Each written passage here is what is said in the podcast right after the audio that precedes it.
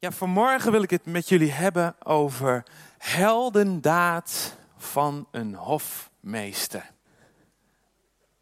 Een van mijn favoriete films. Ik hoor hem al, maar dat, volgens mij komt het uit mijn eigen uh, hoekje daar. Ja. Back to the Future, wie kent hem? Ik zie een paar vingers omhoog gaan. Ja, Back to the Future. En um, voor wie de film niet kent, even heel kort. Back to the Future is een film die gaat over een jongen, een tiener. En die gaat met een tijdmachine, die uh, uitgevonden is door zijn vriend Doc, naar terug in de tijd, 1955. En uh, om te bewijzen dat ik een echte fan ben.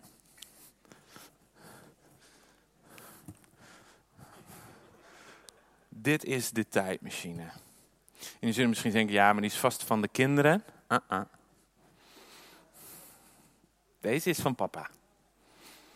Ja, deze is van papa. En bij hoge uitzondering, hij zit dus ook nog in de doos. En bij hoge uitzondering mogen de kinderen hier onder begeleiding van mij meespelen. En hij is echt heel cool. Kijk, want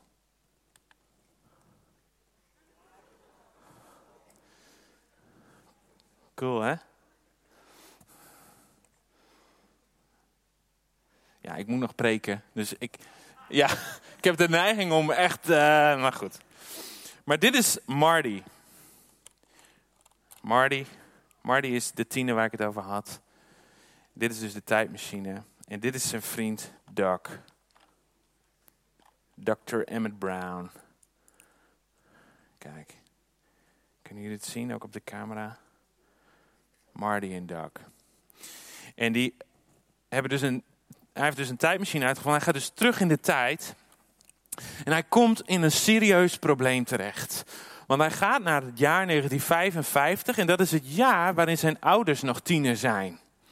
En door een, uh, een actie uh, ontstaat er dus een situatie dat zijn ouders elkaar niet meer ontmoeten. En u raadde al, dat is natuurlijk een groot probleem. Want als zijn ouders ja, uh, elkaar niet leren kennen, wordt hij ook niet geboren. En zijn broer en zijn zus ook niet. Dus hij doet, moet er alles aan doen om ervoor te zorgen dat zijn ouders elkaar leren kennen op het high school bal. Zodat ze verliefd op elkaar worden, gaan trouwen en baby's kunnen krijgen. Nou, dat is een heel spectaculair verhaal. En wat leert ons dit verhaal? Ja, want er zit een boodschap in. Ja, het verhaal leert ons dat wat we vandaag doen gevolgen heeft voor de toekomst, lieve mensen. Dus wat we vandaag doen, maar ook wat we dus niet doen, heeft gevolgen voor de toekomst. En vandaag wil ik met jullie nog iets verder terug in de tijd, zo'n 3000 jaar. En uh, eigenlijk alleen al het feit dat dit verhaal in de Bijbel staat, maakt dat het een bijzonder verhaal is. Dat het verhaal dus 3000 jaar heeft overleefd en ik hier vandaag nog steeds over spreek, maakt dat dit een bijzonder verhaal is. Dat het relevant is, dat het belangrijk is. Dat het een verhaal is met eeuwigheidswaarde want die film waar ik het net over had, ja, die film die is uh, eh, 30 jaar terug een keer gemaakt. En uh, als ik nu vraag wie kent de film, gaan er vier vingers omhoog. Ja, en over, over 50 jaar kent niemand die film meer. Maar dit verhaal waar we het vandaag over hebben, is een verhaal echt gebeurd. Het heeft zich echt afgespeeld, 3000 jaar geleden. En het verhaal is vandaag de dag nog steeds relevant. Vandaag gaan we kijken naar een verhaal wat zo belangrijk is dat het aan papier is toevertrouwd. Dat het aan papier is toevertrouwd en waarin we nog steeds mogen gaan kijken naar wat zegt ons dit verhaal vandaag. Vandaag gaan we kijken naar de heldendaad van een hofmeester. Vandaag gaan we kijken naar een heldendaad van de hofmeester. En ik wil jullie vragen om met mij op te slaan 1 Koningen 18 en dan de versen 7 tot en met 20. En daar staat, voor wie het nog niet heeft, ik wacht nog eventjes. En daar staat, toen Obadja onderweg was, zie, Elia kwam hem tegemoet. Hij herkende hem, wierp zich met zijn gezicht ter aarde en zei, bent u het, mijn heer Elia? Hij zei, ik ben het. Ga en zeg tegen uw heer, zie, Elia is hier. Maar hij zei, wat heb ik gezondigd, dat u uw dienaar in de hand van Agab geeft om mij te doden? Zo waar de Heere uw God leeft, er is geen volk of koninkrijk waarheen mijn Heer geen boden heeft gestuurd om u te zoeken. En als zij zeggen, hij is hier niet, dan liet hij dat koninkrijk of dat volk zweren dat zij u niet konden vinden. En nu zegt u, ga, zeg uw Heer, zie, Elia is hier. En mocht het gebeuren dat ik van u zou weggaan en de geest van de Heer u op zou nemen ik weet niet waarheen. En ik zou komen om Agab de boodschap te brengen. En hij zou u niet vinden. Dan zou hij mij doden. Terwijl ik, uw dienaar, vanaf mijn jeugd de Heere vrees. In mijn Heer is mijn Heer niet verteld wat ik heb gedaan toen Izebel de profeten van de Heere doodde. Dat ik van de profeten van de Heere honderd man heb verborgen. Per vijftig man in een grot. En dat ik die met brood en water onderhouden heb. En nu zegt u, Ga, zeg uw Heer, zie, Elia is hier. Hij zou mij doden. Elia zei, zo waar de Heere van de legermachten leeft, voor wiens aangezicht ik sta, voorzeker vandaag zal ik mij aan hem vertonen. Toen ging Agab, uh, Obadja Agab tegemoet en vertelde het hem. En Agab ging Elia tegemoet. En het gebeurde toen Agab Elia zag, dat Agab tegen hem zei, Bent u degene die Israël in het ongeluk stort?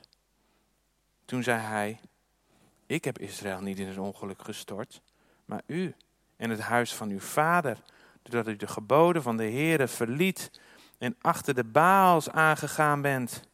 Nu dan, stuur boden.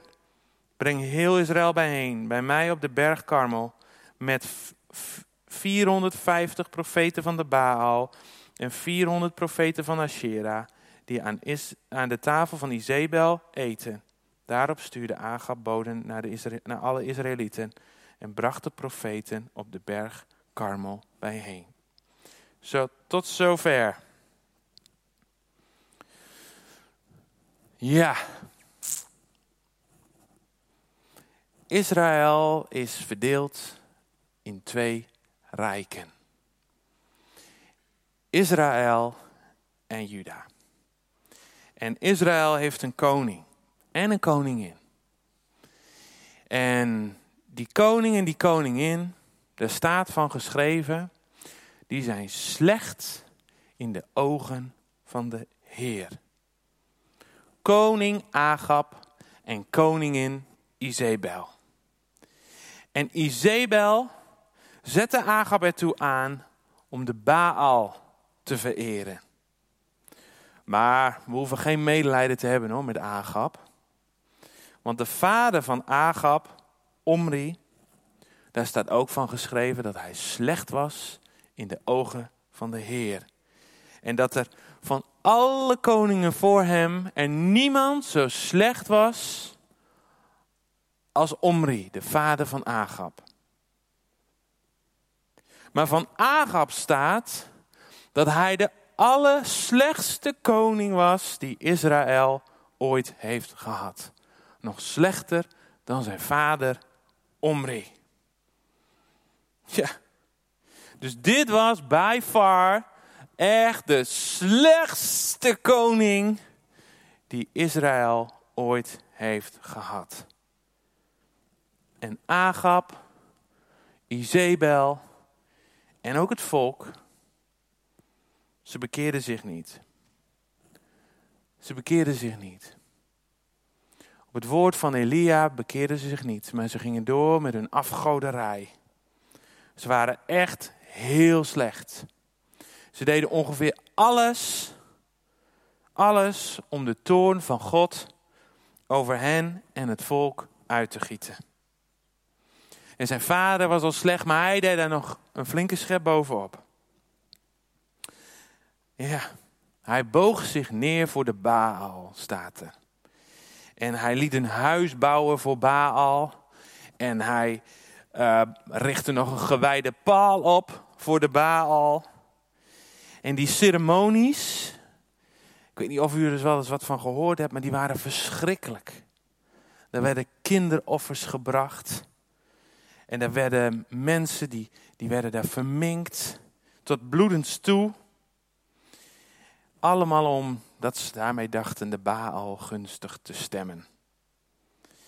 En hierdoor riepen ze het oordeel van God over hen uit.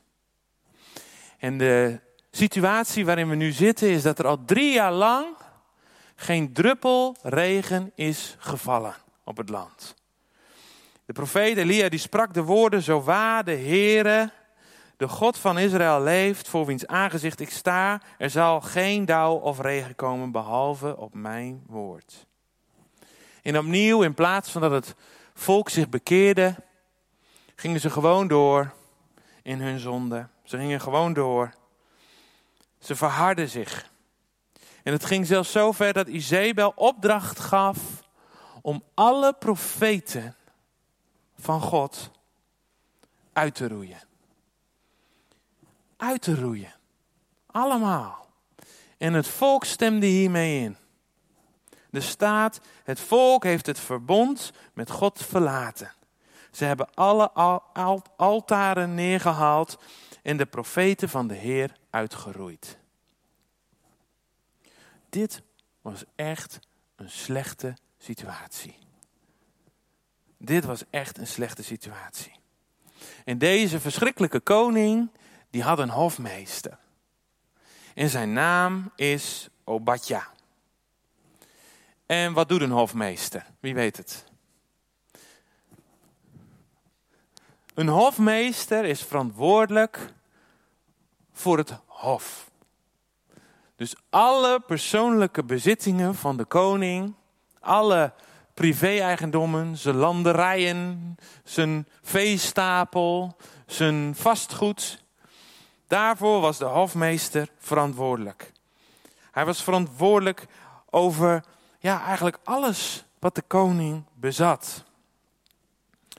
En van Obadja staat geschreven dat hij een godvrezend man was. Met ontzag voor de Heer. En dit ontzag voor God, dat dreef hem ertoe dat hij met gevaar voor zijn eigen leven honderd profeten van de Heer verbergt. Hij verbergt ze. Hij verstopt ze. Zodat ze gered worden van de dood. Hij voorziet ze van water en brood, zodat ze niet omkomen.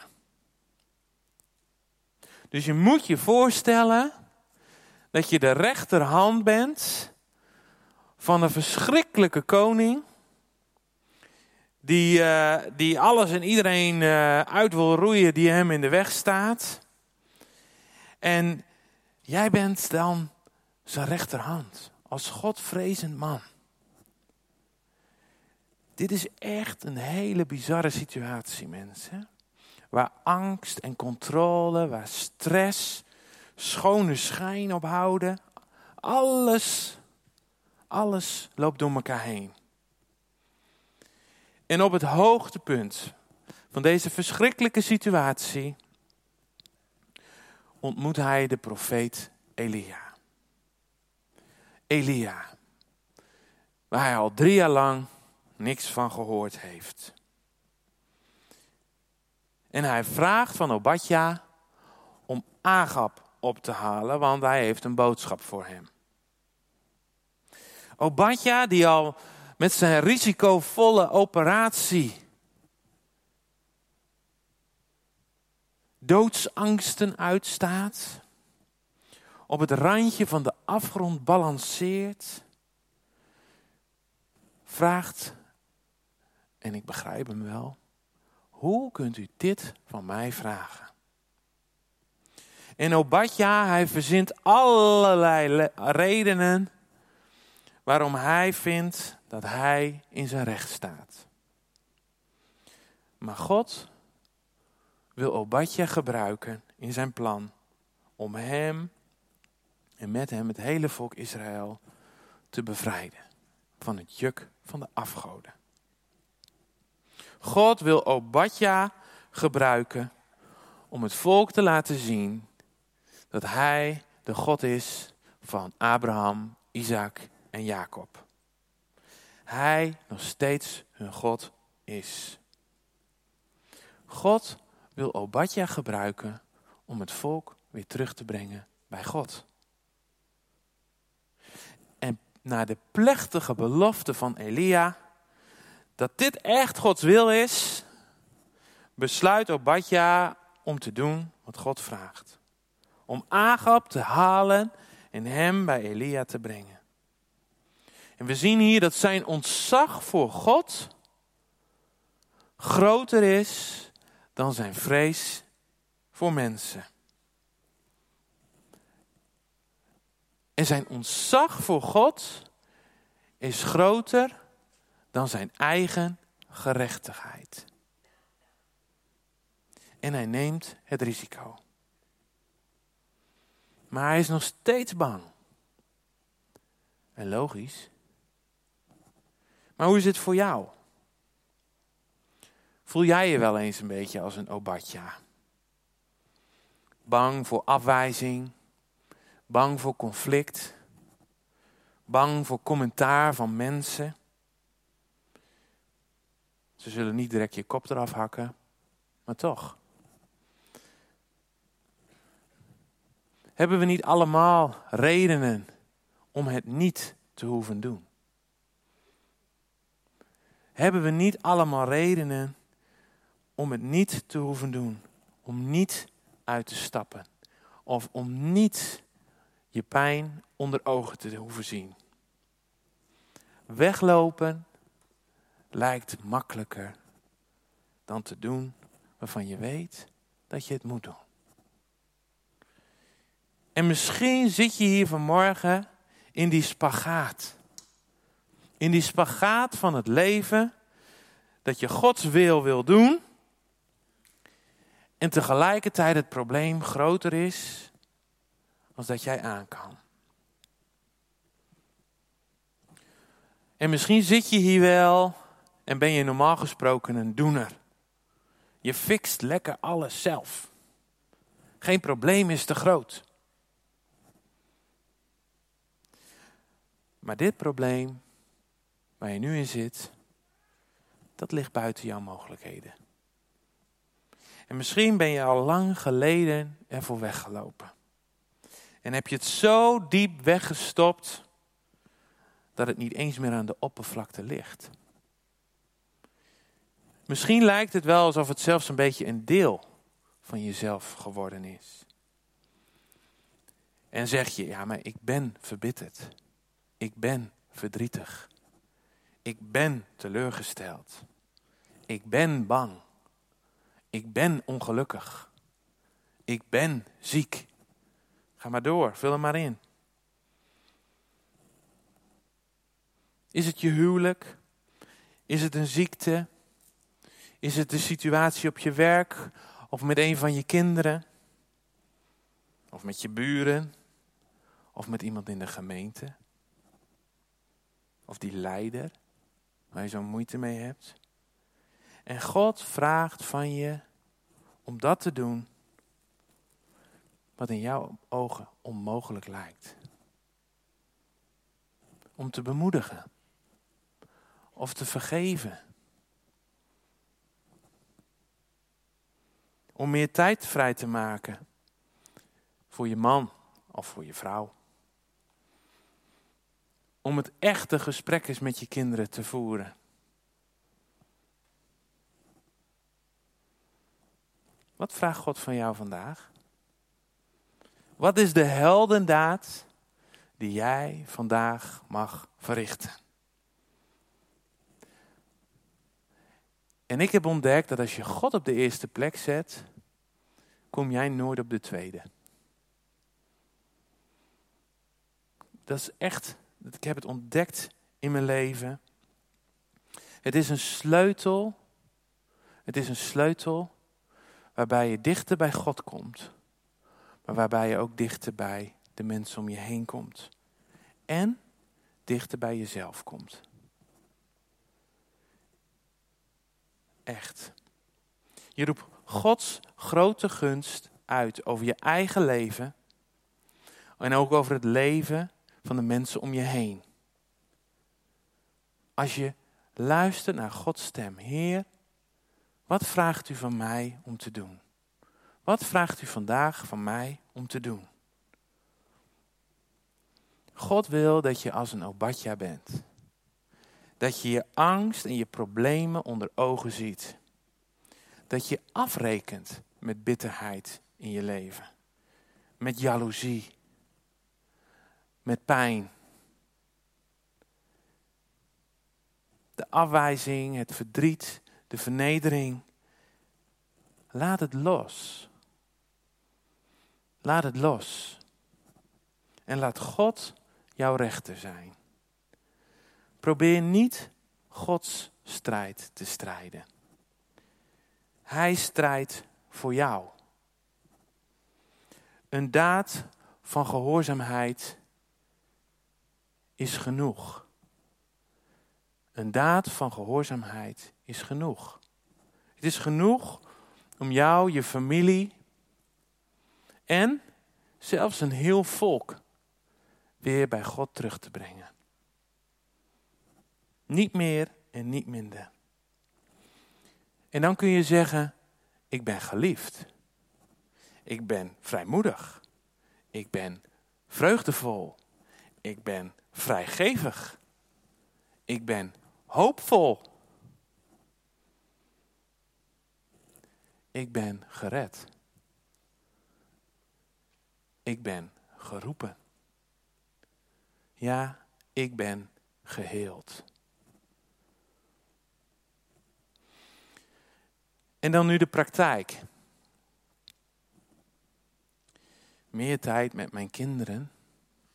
Straks raak ik mijn baan kwijt.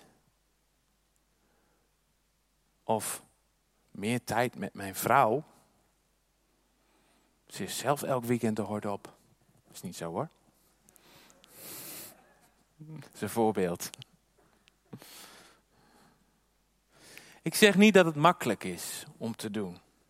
Maar geef God de kans om dat te doen wat jij niet kan. Geef God de kans om dat te doen wat jij niet kan. Ga in gesprek met je kinderen, met je vrouw, met die persoon in de gemeente. Ga in gesprek. Ga bij hem langs of haar. Stuur een appje. Kies voor de verbinding in plaats van de verwijdering. Kies voor nederigheid in plaats van nalatigheid. Kies voor de heldendaad van de hofmeester. Want de echte heldendaad, de echte heldendaad, was niet dat hij aangap ging halen.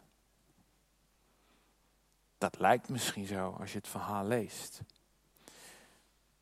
Nee, daarvoor had God iedereen kunnen gebruiken.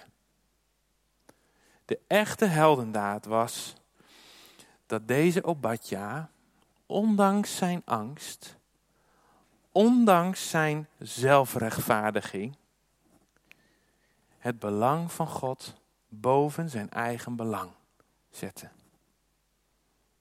Obadja was bitter, maar hij ging. Hij was boos, maar hij ging. Hij was benauwd, maar hij ging. Obadja deed uiteindelijk wat God van hem vroeg. Zijn ontzag voor God was groter dan zijn ontzag voor mensen.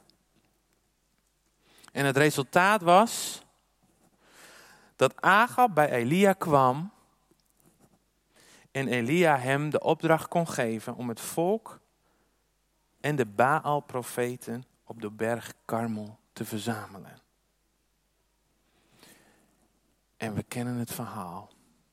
Die Baal-profeten, die gingen op die berg en die sneden zichzelf en ze, ze liepen rondjes maar er gebeurde niks.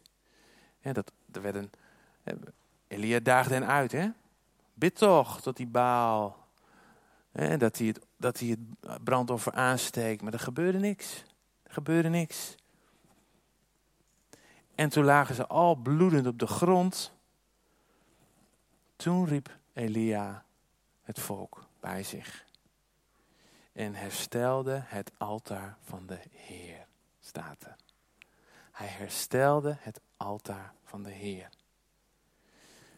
Weet je, en ik ervaar echt voor vandaag dat het goed is om een altaar te bouwen voor de Heer. En ik heb niet stenen geregeld of zo, maar het is goed om een altaar te bouwen van de Heer vanmorgen. Weet je, en, en ik denk dat het belangrijk is, ook juist in een tijd als deze, waarin we de verbinding met elkaar zo makkelijk kwijt kunnen raken. Dat we, dat we een statement gaan maken. Dat we zeggen, het gaat niet gebeuren. We blijven met elkaar in verbinding.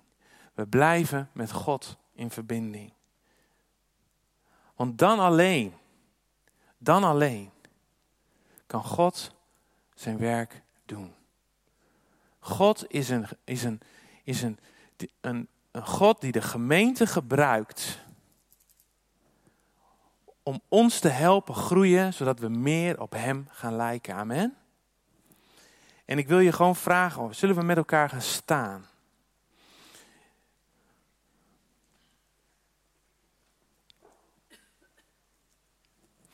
Want God wil niets liever dan dat je bij zijn altaar komt. En dat je net als Obadja kiest voor die heldendaad. Dat je luistert naar zijn stem en naar zijn uitnodiging om bij hem te komen. Om dat te doen, om dat te doen wat God kan doen. Want dat is wat God wil vanmorgen. God wil dat we in zijn aanwezigheid zijn. Dat we in zijn aanwezigheid komen als gemeente. Als gemeente. En, en ik merk dat God echt herstel wil brengen. Dat die mensen vanochtend zitten die beschadigd zijn. Die pijn ervaren. Van dingen die echt jaren terug al gebeurd zijn. Maar dat God vanochtend tegen je wil zeggen: Lieve schat, geef het aan mij. Geef het aan mij. Laat het los en geef het aan mij. Want het is Gods wil als je uitgelijnd leeft. Uitgelijnd met Hem.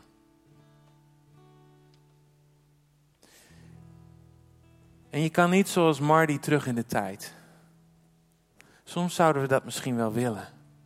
Zouden we dingen anders willen doen. Of overnieuw willen doen.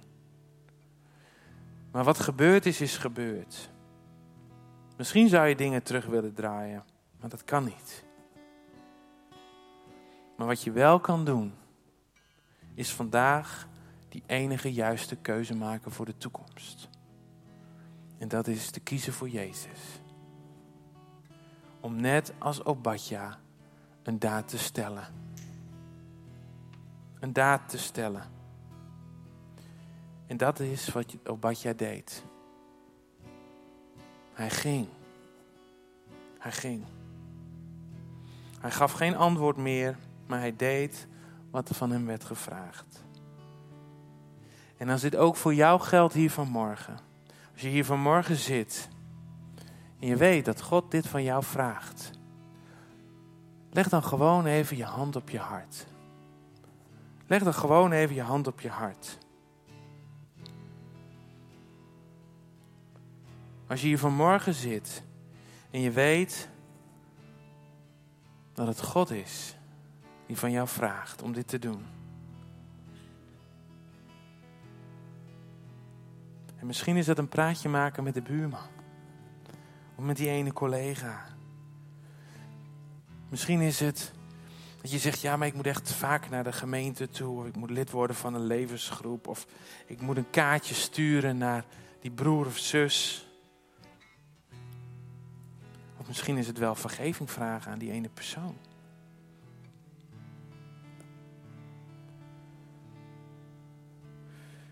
Of misschien zit je hier en weet je diep, diep, diep in je hart dat het God is die jou roept als leider.